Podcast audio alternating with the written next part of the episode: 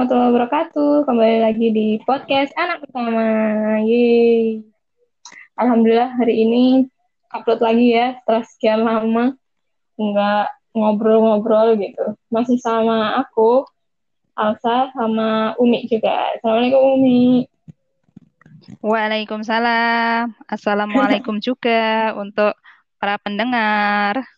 Oh, uh, jadi sekarang Alhamdulillah ya, kalau kemarin kita ngobrolnya live langsung gitu, ketemu. Sekarang karena aku udah di Bogor, Umi masih di Malang, jadi kita sekarang ngobrol jarak jauh. Yeay. Iya. Meskipun jarak ada jarak, tapi tetap ya Alhamdulillah ya hari ini teknologi bisa mempertemukan. Jadi uh, kemarin kan kita bahas soal ini ya Mia terakhir itu persiapan nikah. Dari sebelum nikah itu apa aja yang harus disiapkan gitu. Ternyata yep. kalau dari ini nih beberapa saat lalu kan aku kan juga buka question di Instagram. Ternyata banyak yang masih penasaran gitu nih tentang persiapan sebelum nikah apalagi yang mendekati hari H.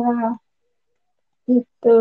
Mm -mm emang hmm. beda ya kalau misalnya mendekati hari H itu sedang dipersiapkan mungkin lebih spesifik ya Mi? Hmm.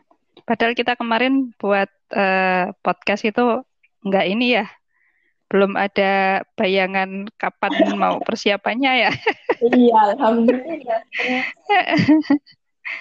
Ketepatan. Enggak. Uh -uh. Artinya gini, uh, memang persiapan itu ya ibaratnya kita harus menghadapi hal-hal yang kadang-kadang itu di luar prediksi kita gitu. Jadi yang namanya persiapan itu harus selalu kita lakukan gitu. Jadi hmm. ketika uh, Allah berkehendak, eh sekarang nih ternyata kesempatannya ya kita udah udah nyiapin bekalnya gitu. Iya karena kayak gitu juga nggak bisa ditunda ya, ya kalau memang udah ada udah ada ya. waktunya. Mm -mm. Kan yeah. kita bisa ngira-ngira tuh, maksudnya uh, kita punya planning kan. Oh, mm. di usia ini kita harus ini nih planning kita. Di usia yang sekian ini planning kita harus gini nih gitu. Meskipun ya uh, semuanya itu kembali lagi, maksudnya nggak semua planning itu akan tepat dan sebagainya. Tapi minimal kita paham di fase-fase tertentu itu apa nih yang harus kita lakukan gitu. Kalau mm -hmm. fasenya memang kita masih uh, belajar di sekolah, ya kita fokus di situ. Fasenya kita mulai di umur sekian, kita harus membangun yang ini, ya kita siapkan itu, gitu kan. Artinya begitu, gitu. Mm -hmm. Ya, emangnya ini kan kalau mendekati hari H gitu ya, sebenarnya kan banyak yang ditanya ini, mulai yang dia udah udah ada calonnya nih, udah ada calonnya, tapi ternyata orang tuanya belum setuju gitu sama calonnya. Ada juga yang dia belum ada calonnya nih tapi udah siap. Ada yang udah ada calonnya, udah ada udah udah disetujui orang tua. Tapi uangnya belum kekumpul nih gimana? Nah, sebenarnya kapan sih kita benar-benar di dikatakan siap apalagi menurut sudut pandang Umi gitu yang punya anak. Maksudnya kan kadang kan orang tuh nggak paham ya uh, orang tuanya tuh pengennya kayak gimana sih kok rasanya masih diberat-beratin terus buat nikah gitu atau apa sih yang bikin okay. orang tua tuh ragu ngelepas anaknya buat nikah yeah. uh, kalau yang gini nih nanti kembali lagi ke anak dan orang tuanya uh, hmm. harus harus menyamakan persepsi dan standarnya begitu Hmm. Jadi kalau uh, iya kalau tadi dibilang ini uh, udah siap nih tapi uangnya belum atau sudah ada jodohnya ini tapi orang tuanya mau gini. Nah, itu yang mungkin perbedaan-perbedaan antara anak dan orang tuanya di situ. Kalau Umi sama kakak ini kan alhamdulillah ya kita punya punya persepsi dan standar yang sama begitu. Hmm. Kalau misalkan uh, masuk ke jenjang pernikahan itu apa sih tujuan untuk nikah itu? Itu goal besarnya itu di mana sih gitu atau misalkan eh, PR atau visi misi ketika kita menikah tuh apa sih itu tuh kita udah punya gambaran yang sama gitu. Kita sudah punya frame berpikir yang sama gitu. Jadi eh, yang namanya kemudian ih belum siap nih materinya. Siap tuh yang seperti apa? Belum itu yang seperti apa? Nah, ini kita punya punya kesamaan di situ gitu. Nah, hmm. kalau masalah masalah-masalah tadi yang dihadapi teman-teman tadi bisa jadi karena ketidaksamaan itu gitu loh, standar itu gitu. Misalkan kalau dari sisi kesiapan secara ekonomi, menurut orang tua seperti apa sih siap itu, gitu kan? Menurut anaknya seperti apa gitu. Kalau tidak ada persamaan persepsi yang nggak akan ketemu, hmm. kan gitu. Ya, tapi kalau ada uh, persamaan persepsi antara orang tua dan anak, ya akan lebih mudah. Misalkan begini, orang tua udah uh, pokoknya yang namanya cukup itu selama uh, sudah ada penghasilan dan bisa dipakai untuk berdua mandiri cukup. Misalkan begitu. Berarti ya itu begitu kan berarti itu yang harus disamakan gitu ya Hmm. Tapi ini belum ada lebihnya nih, belum bisa nabung ini. Selama masih bisa mengupayakan, kalau itu sama-sama dipahami oleh orang tua dan anak gitu ya, ya akan lebih mudah begitu. Jadi yang namanya cukup itu mungkin tidak berlebihan, tetapi punya upaya atau punya kesempatan untuk kemudian uh, mengembangkannya. Nah, kalau ini sama, ya sudah sama gitu. Tapi kalau misalkan orang tuanya standarnya, ya harus punya rumah dulu nih, harus punya kendaraan dulu. Sementara si anak standarnya yang seperti tadi, yang nggak akan ketemu, gitu kan? Hmm. Nah, jadi eh, kalau eh, kasus-kasus yang seperti ini, harusnya memang dibicarakan gitu ya, disamakan dulu persepsinya, samakan dulu suhunya gitu. Jadi ketika mau melangkah itu, langkahnya seiring begitu. Tapi kalau hmm. masih ada perbedaan itu ya akan sulit gitu. Itu di kasus ya uh, kalau dari ya di kasus-kasus yang uh, dari sisi ekonomi. Misalkan dari sisi hmm. tradisi. Nah, ya mungkin orang tua dan itu. anak, uh, uh, uh, gitu kan. Dari sisi tradisi orang tua dan anak bisa jadi melihatnya dari uh, sudut pandang yang berbeda. Hmm. Mungkin kalau uh, orang tuanya masih memegang banget nih tradisi-tradisi tradisional yang tradisional begitu ya hmm. yang nggak uh, boleh mendahului kakaknya dan sebagainya. Hmm. Sementara si anak lebih lebih moderat begitu kan? Hmm. Emang kenapa kalau mendahuluin gitu kan? Kan uh, kita nggak tahu Allah kirimkan jodoh itu siapa dulu, gitu kan nggak tahu gitu kan. Si anak sudah berpikiran seperti ini, sementara orang tuanya masih begitu. Nah ini yang perlu disamakan pemahamannya, gitu. Nah sebenarnya ini terjadi loh sama Umi gitu loh. Umi nah, itu iya. menikah lebih dulu dari dari Betul. kakak gitu. Tapi Umi tidak menghadapi uh, kendala karena Uti sama Akong itu dulu orang tuanya Umi itu nggak mempermasalahkan itu gitu. Hmm. Jadi ya sudah siapa yang jodohnya datang duluan ya silahkan menikah. Masalah kemudian harus melangkahi dan sebagainya ya memang secara psikologis bisa jadi ada dampaknya. Tapi kalau kemudian dikomunikasikan dengan baik ya uh, oke-oke saja kan? Dan alhamdulillah dia kayak Umi ini nggak ada masalah begitu kan? Mm-hmm. jadi intinya begitu. Jadi permasalahan itu tentang apa pun ya harus ada kesamaan pemahaman harus ada kesamaan persepsi antara orang tua dan anak. Dan itu artinya harus ada komunikasi yang baik antara anak dan orang tua. Nah Mm-mm. Umi ada pengalaman nggak? Mungkin kalau nggak Umi yang komunikasi mungkin Umi kan udah ngalamin juga kan dulu yang ngelangkahin kakak atau mungkin Umi dulu juga nikahnya kan nggak nggak sesuai adat umumnya orang ya. Jadi Umi itu ketika ketika zamannya Umi nikah itu kan masih kebanyakan adat Jawa tapi Umi udah bisa uh, pakai syari gitu ya yang mendekati syari dan sederhana gitu yang waktu itu mungkin masih aneh gitu ya Umi ya itu Umi kayak komunikasinya kayak gimana sih? Kalau nggak Umi ya mungkin Umi nggak nge-handle nge-handle. Mungkin kan Umi juga banyak bantu teman-teman yang mau nikah juga kan? Maksudnya beberapa kali aku juga tahu. Maksudnya beberapa kali aku tahu gitu. Itu kira-kira gimana sih Mi triknya untuk komunikasi sama orang tua? Iya, kuncinya emang di komunikasi sih. Di komunikasi uh, kita dengan orang tua dan hubungan baik kita dengan orang tua Hmm. Jadi orang tua itu punya ke, punya keinginan tuh pasti. Kita juga punya keinginan dan itu yang kadang-kadang berbeda gitu.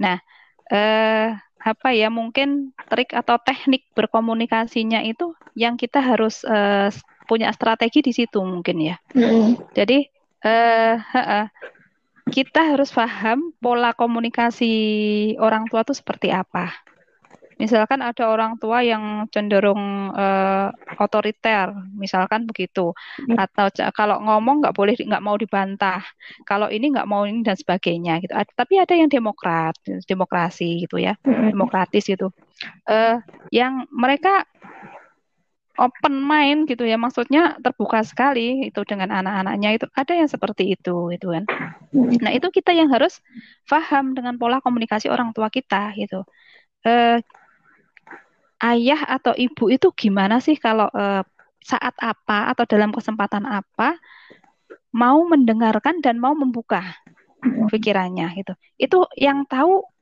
ya anak-anaknya kan begitu. Yang paling tahu kan uh, pasti anak-anaknya gitu kan. Nah, itu yang harus di, dilakukan gitu ya. Nah, pas uh, kondisi enak gitu, kita ngomong keinginan kita tuh sebenarnya apa gitu. Kalau misalkan uh, orang tua enggak uh, pokoknya keinginannya harus gini. Ya sudah kita cari win-win solution gitu loh. Kayak Umi itu dulu juga gitu. Pokoknya ya sudah sekarang uh, uh, akad nikah dulu. Tapi nanti kalau misalkan anu uh, misalkan uh, sudah sudah apa ya istilahnya itu setelah itu tuh ada resepsi ya begitu. Saat itu ya Umi iyakan aja gitu loh. Padahal Umi nggak nggak pingin sebenarnya gitu kan. Ya Umi iyakan dulu aja. Uh, Umi cuman berpikir ah nanti setelah ini kan uh, Umi bisa komunikasi lagi gitu kan sama orang tua gitu kan. Nanti kan kondisinya mungkin juga akan berbeda kan begitu kan. Mm. Ya udah tak iyakan dulu aja gitu kan. Uh, kalau misalkan saat itu Umi langsung bilang nggak mau, ya bisa jadi akan menjadi masalah yang baru, gitu kan. Mm-hmm. Tapi itu Umi nggak lakukan, itu kan. Ya sudah, pokoknya sekarang uh, Umi pinginnya seperti ini, terus uh, ya pinginnya sederhananya sederhana banget gitu, tapi kan nggak mungkin gitu kan. Orang tua juga punya kolega, punya kerabat dan sebagainya yang memang harus akhirnya juga uh, agak rame, misalkan begitu, it's okay gitu loh. Tapi uh, inginnya yang seperti ini gitu. Dan alhamdulillahnya kalau Umi itu dibantu juga dari Yaya gitu kan. Mm-hmm. Yaya juga menyampaikan keinginannya uh, model pernikahannya itu seperti apa juga menyampaikan gitu kan. Mm-hmm. Jadi uh, oh ya sudah dari sana yang diinginkan begini. Ternyata uh, Umi juga keinginannya nggak jauh-jauh dari itu gitu kan. Jadi uh, ya ya ya ada sih sebenarnya uh, yang nggak sama nggak sama itu tetap ada begitu loh. Tapi kita mengkomunikasikannya dengan baik gitu. Jadi kuncinya memang di komunikasi. Dan uh, mungkin satu ini lagi ya satu trik lagi. Dan ini sebenarnya Umi dapatkan tuh dari senior dulu itu. Mm-hmm. Kalau uh, kita, uh, kalau kita itu pingin sesuatu dengan orang tua kita, karena saat itu tuh pernikahan yang model umi itu masih langka sekali. Dan kalau kita minta itu hal yang aneh begitu kan. Jadi uh, kita kan punya punya keinginan untuk seperti itu tuh, punya punya goal ketika kita nikah nggak nggak mau yang macam-macam lah yang ini gitu kan. Iya. Yeah. Mulai dari sebelum sebelumnya, mulai dari waktu-waktu sebelumnya itu bangun komunikasi yang intens, terus jadilah anak yang baik di mata orang tua gitu. Jadi uh, tapi jangan sandiwara jadi jadi seolah-olah baik gitu. Tapi memang benar-benar benar-benar baik gitu. Uh, artinya uh, ambil hati orang tua gitu loh. Tunjukkan ke orang tua bahwa kita semakin baik semakin menjadi anak yang solih atau solihah gitu ya. Nah hmm. mereka akan berpikir uh, ketika kita menjadi baik di depannya ketika kita punya permintaan tuh mereka nggak akan tega gitu loh untuk kemudian uh, menolak dengan mentah-mentah misalkan gitu. Pasti mereka uh, akan memikirkan kenapa seperti ini? Kenapa keinginannya seperti ini? Pasti mereka akan lebih terbuka untuk uh, mengajak kita Tuh. Ya, kan tadi Umi sempat nyinggung soal jadi anak baik ya dan definisi anak baik per orang tua itu bisa jadi beda. Ada pernah mm -hmm. itu pernah dapat cerita jadi ada yang dia diragukan secara ekonomi dan kemandirian karena laki-laki kan mungkin itu yang yang dilakukan ya dia mencoba untuk apa ya terlihat bisa mandiri kayak misal udah nggak minta uang jajan sama orang tuanya terus habis itu bahkan kadang ngasih sesuatu ke orang tuanya bayarin listrik yang kecil-kecil gitu jadi waktu dia udah siap nikah itu orang tuanya percaya gitu kan mungkin definisi baik per orang tuh kan beda-beda ya Mia. Hmm. Nah, nah ya itu maksudnya uh, ini orang tua yang maksudnya yang yang definisi tadi itu yang mana nih itu belajar kan beda-beda gitu kan mm-hmm. dan uh, anaknya kan tahu gitu uh, artinya kan sebenarnya tuh harapan terbesar orang tua itu seperti apa gitu tapi mm-hmm. kalau misalkan gini uh, misalkan kasusnya uh, orang tua pengen yang agak ini agak muluk nih gitu maksudnya uh, kalau pas nikah aku harus sudah punya rumah harus harus punya kendaraan dan sebagainya kayak gitu nah hmm. itu yang kita coba untuk komunikasikan tadi gitu loh. Maksudnya uh, ya kita menjadi baik di mata mereka di hadapan mereka dan kita tunjukkan gitu loh bahwa kita itu uh, mampu untuk terus berusaha begitu. Artinya uh, kalau sekarang belum tapi kan kita punya tekad gitu kan. Kita punya semangat untuk ke sana misalkan begitu. Dan itu harus kita yakinkan orang tua seperti itu gitu kan Mm-hmm. Dan jangan lupa gitu, jangan lupa uh, semuanya memang harus kita kembalikan ke ya, yang di atas begitu kan. Dan itu juga dalam rangka kita menyamakan ini tadi sama orang tua. Kalau mungkin orang tua mungkin pertimbangannya bukan itu. Nah, bagaimana kita juga uh, mencoba untuk kemudian menyamakan ini ini dengan uh, dengan itu tadi gitu loh, dengan uh, kehendak Allah, dengan uh, apa ya? Takdir Allah yang kita nggak tahu gitu loh di depan itu seperti apa gitu kan. Nah, mm-hmm. ini yang kita juga uh, harus harus bangun bersama gitu. Jadi uh, kalau misalkan uh, oke okay lah uh, ada persetujuan itu landasannya itu kuat gitu loh. Mm-hmm. Landasan kita itu ya melakukan itu karena kita percaya gitu loh. Allah itu nggak akan nggak akan apa ya kasih sesuatu yang di luar kemampuan kita begitu. Kita bergantungnya sama Allah gitu kan.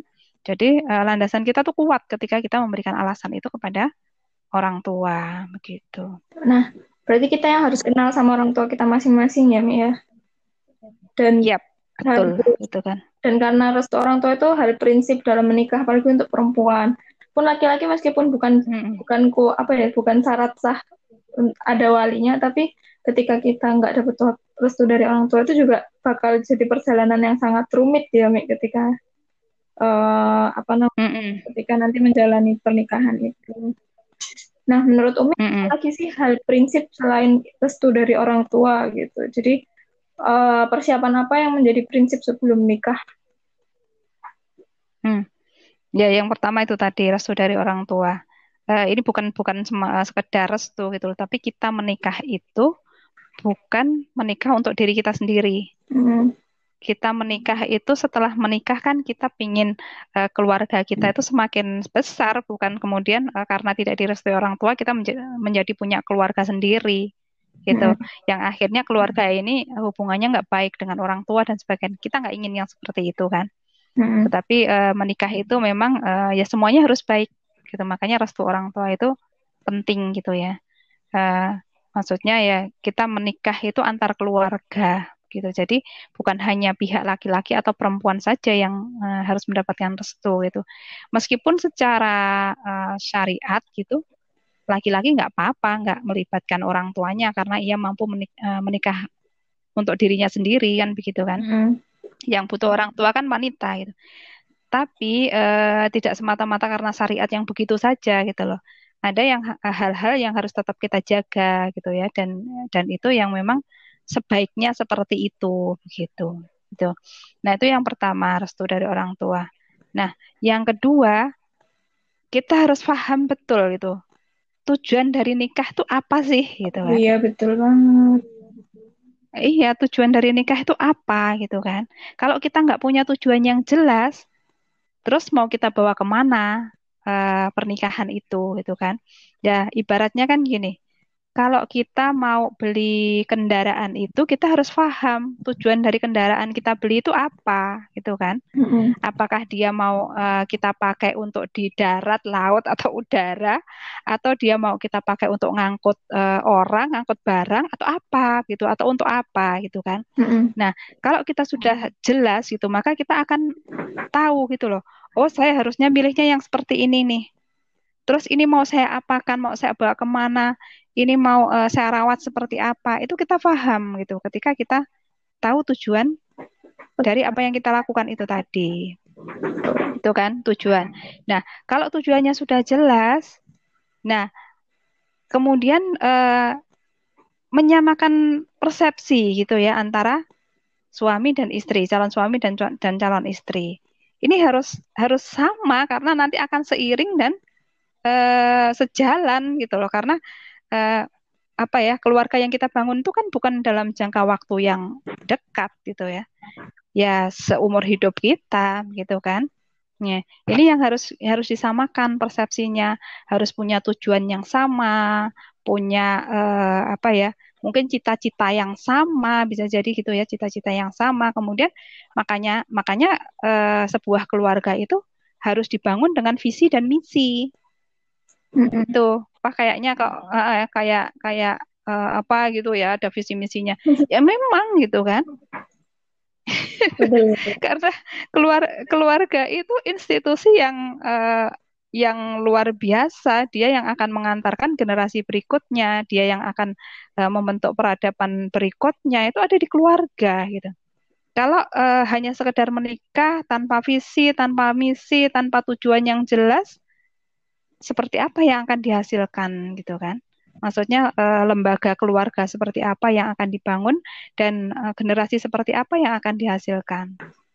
Itu yang uh, yang sangat disayangkan gitu loh. Karena anak-anak atau produk dari keluarga yang seperti ini Bingung. dia tidak maksudnya gini bisa jadi dia akan menjadi beban masa depan begitu.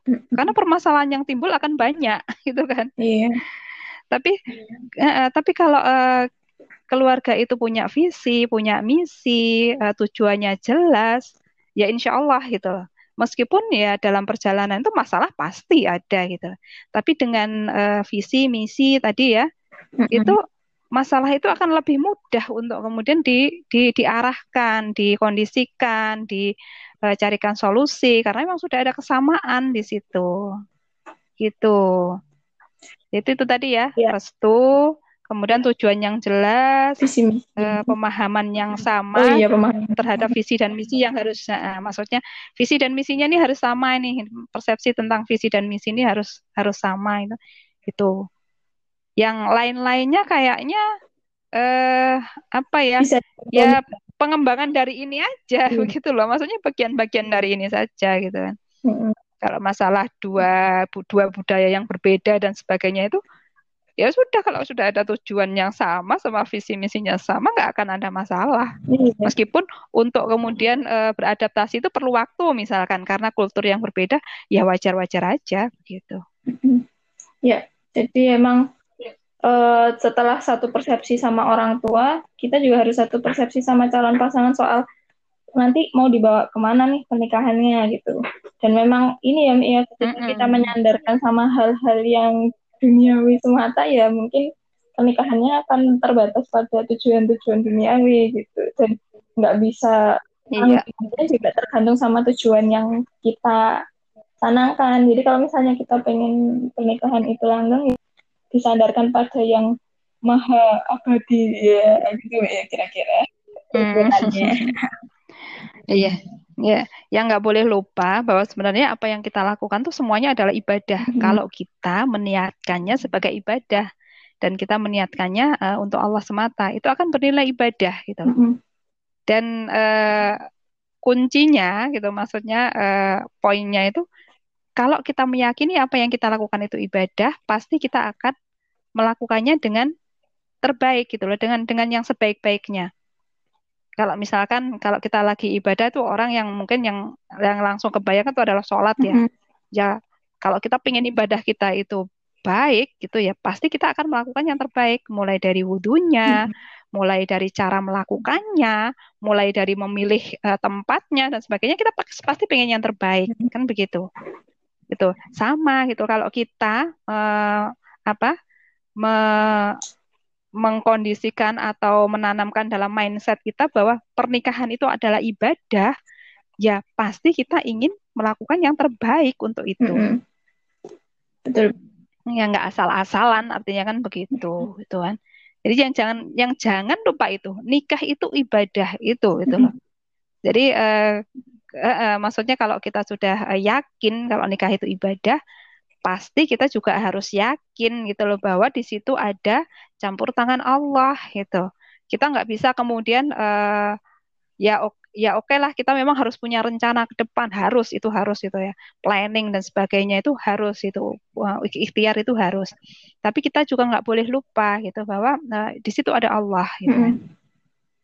Ya, ya jadi uh, apa ya?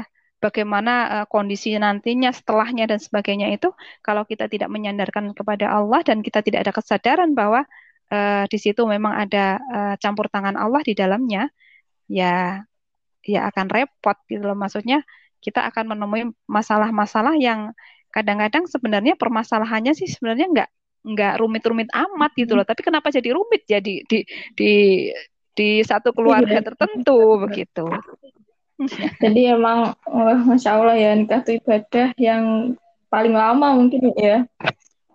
Nah, mm-hmm. nah ini nih ada pertanyaan Dan, banyak juga di mm-hmm. maksudnya karena nikah itu ibadah ya. Kira-kira tipsnya buat nyari calon pasangan tuh gimana sih? Terus habis itu juga apa uh, kira-kira kriteria suami idaman tuh kayak gimana? Kalau mungkin kriteria mantu idaman ya gimana sih? Soalnya kalau kita ngomongin dalam ibadah gitu ya, ada kan yang cara kenalannya itu kan beda-beda ya. Ada yang dia milih untuk pacaran dulu buat penjajakan. Ada yang milih untuk ta'aruf gitu.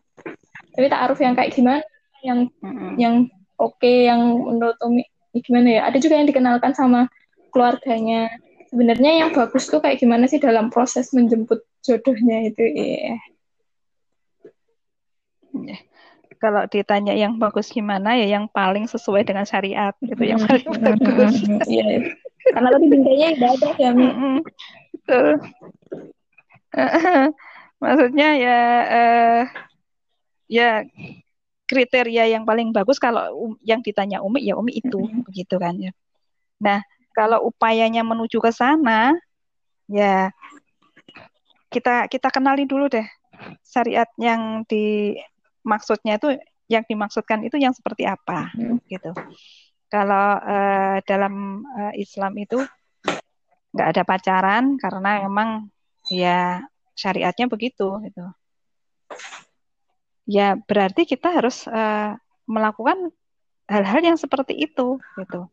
Oke, no pacaran. Tapi tapi mungkin pertanyaannya, terus kalau kita nggak nggak pacaran gimana kita mau mengenal pasangan? uh, calon suami kita, pasangan kita, gitu kan. Kalau Umi sih uh, ada hal-hal standar yang kita harus pegang, begitu, yang kita harus uh, harus dapat nih itu kan. Hmm.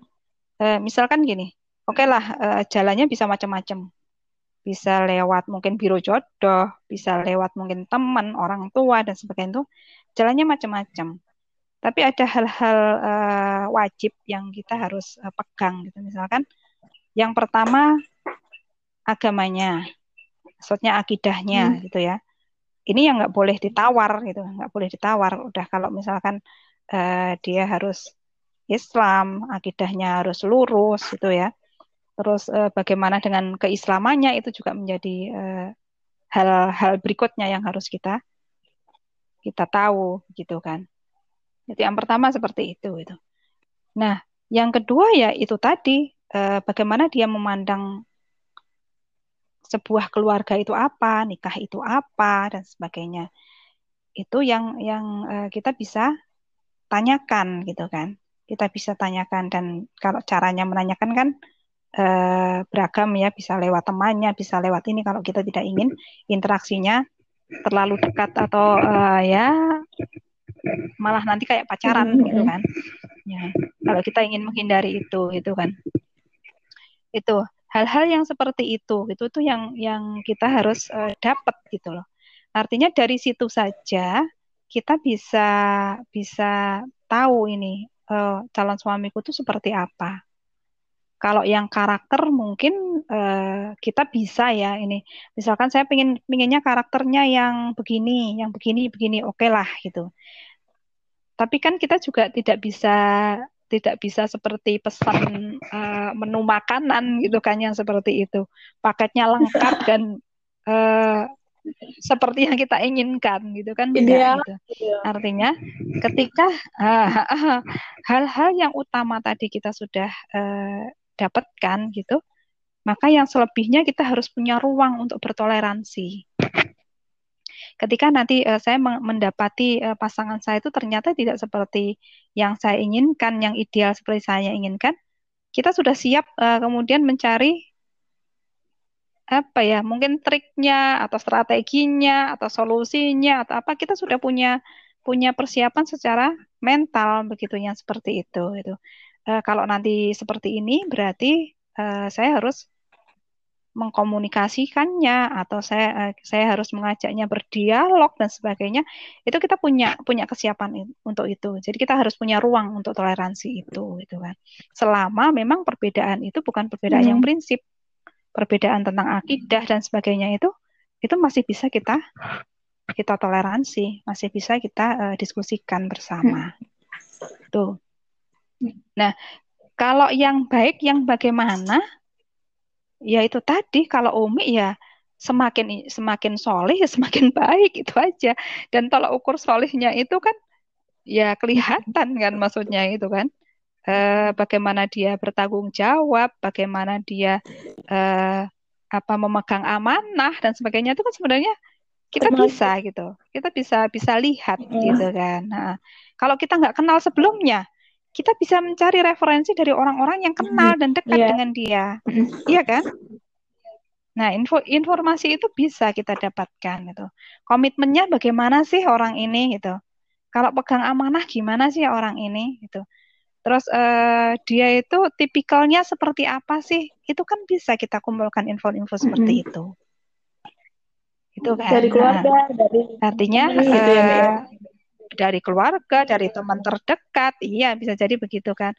Uh, ya dari dari uh, sekarang ini kan jalur informasi macam-macam ya. Mungkin kita loh bisa lihat dari sosmednya. bagaimana cara dia ngomong di sosmed, bagaimana cara dia berkomentar, bagaimana cara dia uh, update status itu kan udah kelihatan banget gitu. Anak yang uh, apa ya orang yang alay itu juga statusnya alay-alay gitu kan tapi orang yang uh, uh, uh, gitu loh orang yang punya komitmen punya visi misi itu juga akan berbeda kan begitu jadi sekarang ini info masya Allah gitu loh info itu bisa kita kita peroleh dengan seluas-luasnya gitu. Jadi intinya nggak ada alasan untuk kudu pacaran dulu nih biar kenal. Oh no, enggak juga. Umi juga nggak iya. pacaran. Amalah. dan dan meskipun sebelumnya kenal ya maksudnya sebelumnya kenal ya ya kita akan akan kenalan mm -hmm. terus gitu kan. Kita akan kenalan terus jadi uh, apa yang kita lihat selama berinteraksi misalkan gitu ya selama berinteraksi sebelumnya itu ternyata hanya hanya sisi luarnya saja bisa jadi begitu. Atau hanya sekian prosennya saja itu Selebihnya nanti setelah menikah 24 jam kita bersama, kita akan tahu yang sisanya sekian banyak prosen tadi. Ya, betul gitu. sekali. itu. Dan itu ternyata kita akan wow, wow kok begini ya ternyata ya gitu kan. Dan uh, uh, yang paling banyak itu ya kadang itu di luar ekspektasi kita gitu kan. Kita akan terkaget-kaget melihatnya gitu. Artinya kita memang akan kenalan terus gitu kan. Bahkan Umi sama Yaya ini sudah hampir dua, hampir 25 tahun pernikahan ya. Uh, sudah 24 sekarang hampir 25 tahun pernikahan ini. Kita tuh terus saling mengenal loh. Terus saling kenalan loh. uh, ada di satu titik yang kok ya sekarang begini ya? Atau ya juga begitu? Kok Umi sekarang begini ya? Itu tuh terjadi begitu loh. Terjadi itu loh karena memang kita kita itu akan berubah terus gitu loh. Uh, Umi yang dulu nggak sama dengan Umi yang uh, 30 tahun atau Umi yang 40 tahun atau Umi yang sekarang itu nggak akan sama. Pola interaksi, pola komunikasi kita, orang-orang yang ada di sekitar kita itu berubah semuanya. Dan itu mempengaruhi gitu loh eh, cara berpikir kita, mempengaruhi bagaimana kemudian perubahan karakter-karakter kita itu kan berpengaruh gitu. Nah kalau kita nggak siap untuk terus mengenal, untuk terus belajar, ya jangan heran kalau kemudian ternyata kok ada ya sudah uh, kakek-kakek sudah nenek-nenek iya, kok cerai juga ya. Begitu itu kan ada gitu loh. Uh, kan sudah sekian lama mereka itu uh, bersama dalam sebuah pernikahan kok bisa ya gitu jadi intinya itu gitu loh. Kalau uh, yang namanya kenalan itu mau sebentar mau lama ya kita akan butuh terus mengenal gitu. Jadi nggak ada alasan kalau kalau nggak pacaran nanti nggak kenal dong. Nanti gimana? Kita kita jadi nggak kenal pasangan kita terus terkaget-kaget gimana? Ya meskipun sudah kenal Enggak. juga akan kenalan lagi iya. kan begitu. Karena isinya beda uh, gitu dan ya. yang yang uh, uh, gitu ya yang diperlukan itu kesiapan kita untuk beradaptasi. uh, menghadapi segala iya. perubahannya ya. itu tadi. Kesiapan kita untuk terus beradaptasi dan terus mengenal pasangan kita. Dan saling itu tadi saling saling apa ya? Saling mengisi saling ini. Kalau uh, misalkan kok kok aku mulai nggak kenal ya ya udah diskusikan udah sampaikan gitu loh nah yang seperti itu berarti aku harus lebih kenal ini berarti aku harus lebih dekat ini berarti aku harus lebih banyak uh, ngobrol lagi dan sebagainya. Itu yang harus dilakukan. Jadi jangan jangan khawatir gitu loh kalau kemudian nggak pacaran itu kita nggak kenal nggak masalah kita akan kan kita akan kenalan setelah menikah betul, betul, betul. dan akan sama saja yang pacaran juga akan akan kenalan lagi gitu dengan sisi-sisi yang lain. Iya dan itu dirasakan sih maksudnya kan ya dua bulan itu setengah bulan inilah ya. Kakak ya, kan merasakan alhamdulillah. Dan kalau mau bahas ini sebenarnya panjang banget ya kita baru bahas uh, paling empat pertanyaan sebenarnya tadi. Itu empat atau lima pertanyaan tapi udah setengah jam aja gitu ya. Belum nanti kita kita mau ngomongin uh, tentang uh, apa aja yang perlu diketahui sebelum setelah nikah itu awal-awal pernikahan. Ini tadi ini tadi sebenarnya di awal-awal tadi kakak kan pinginnya uh, agak lebih spesifik ketika di hari-hari menjelang.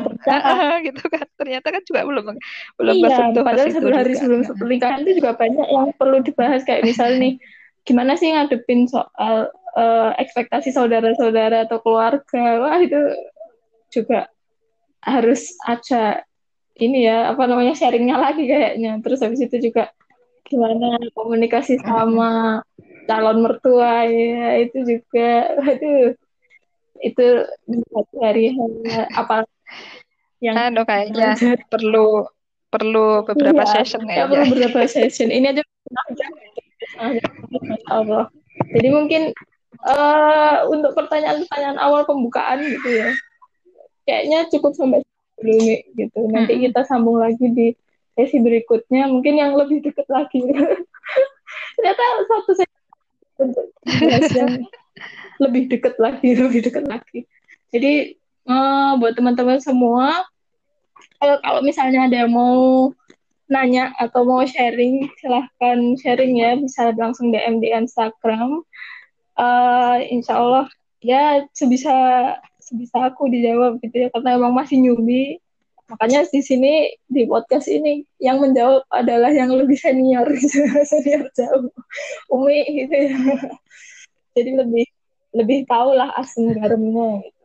di sini kita aku cuma berusaha hmm. menjadi tolong dan dia jawab setahu tahu setahu aku lah gitu ya. nah makasih Umi udah mau hari ini nanti ada uh, uh, nanti ada sesi ada sesi yang kakak harus jawab juga nih. Ya ya ntar lah. Tapi nggak kan nggak iya, harus bener, terus bener, bener, bener, bener, bener juga. Uh, ya nanti. Ya alhamdulillah mungkin beberapa pertanyaan udah terjawab. Kita nanti insya Allah akan ketemu di sesi berikutnya. Terima kasih udah mau mendengarkan sampai akhir. Semoga teman-teman yang lagi menyiapkan dilancarkan yang lagi menunggu diberi kesabaran yang lagi diuji semoga Allah kasih yang terbaik lah uh, dan dikasih apa ya setelah ujian ini jadi orang yang lebih baik gitu karena emang pernikahan ini salah satu yang paling dilematis gitu ya mungkin di usia-usia kita nggak apa-apa tetap semangat gitu. uh, banyak hal lain yang mungkin juga teman-teman bisa kerjakan gitu di samping menyiapkan pernikahan gitu jadi uh, insya Allah ketemu lagi di sesi berikutnya terima kasih ini udah mau sharing sama-sama. Insya Allah nanti kita ketemu lagi. Uh, terima kasih. Assalamualaikum warahmatullahi wabarakatuh.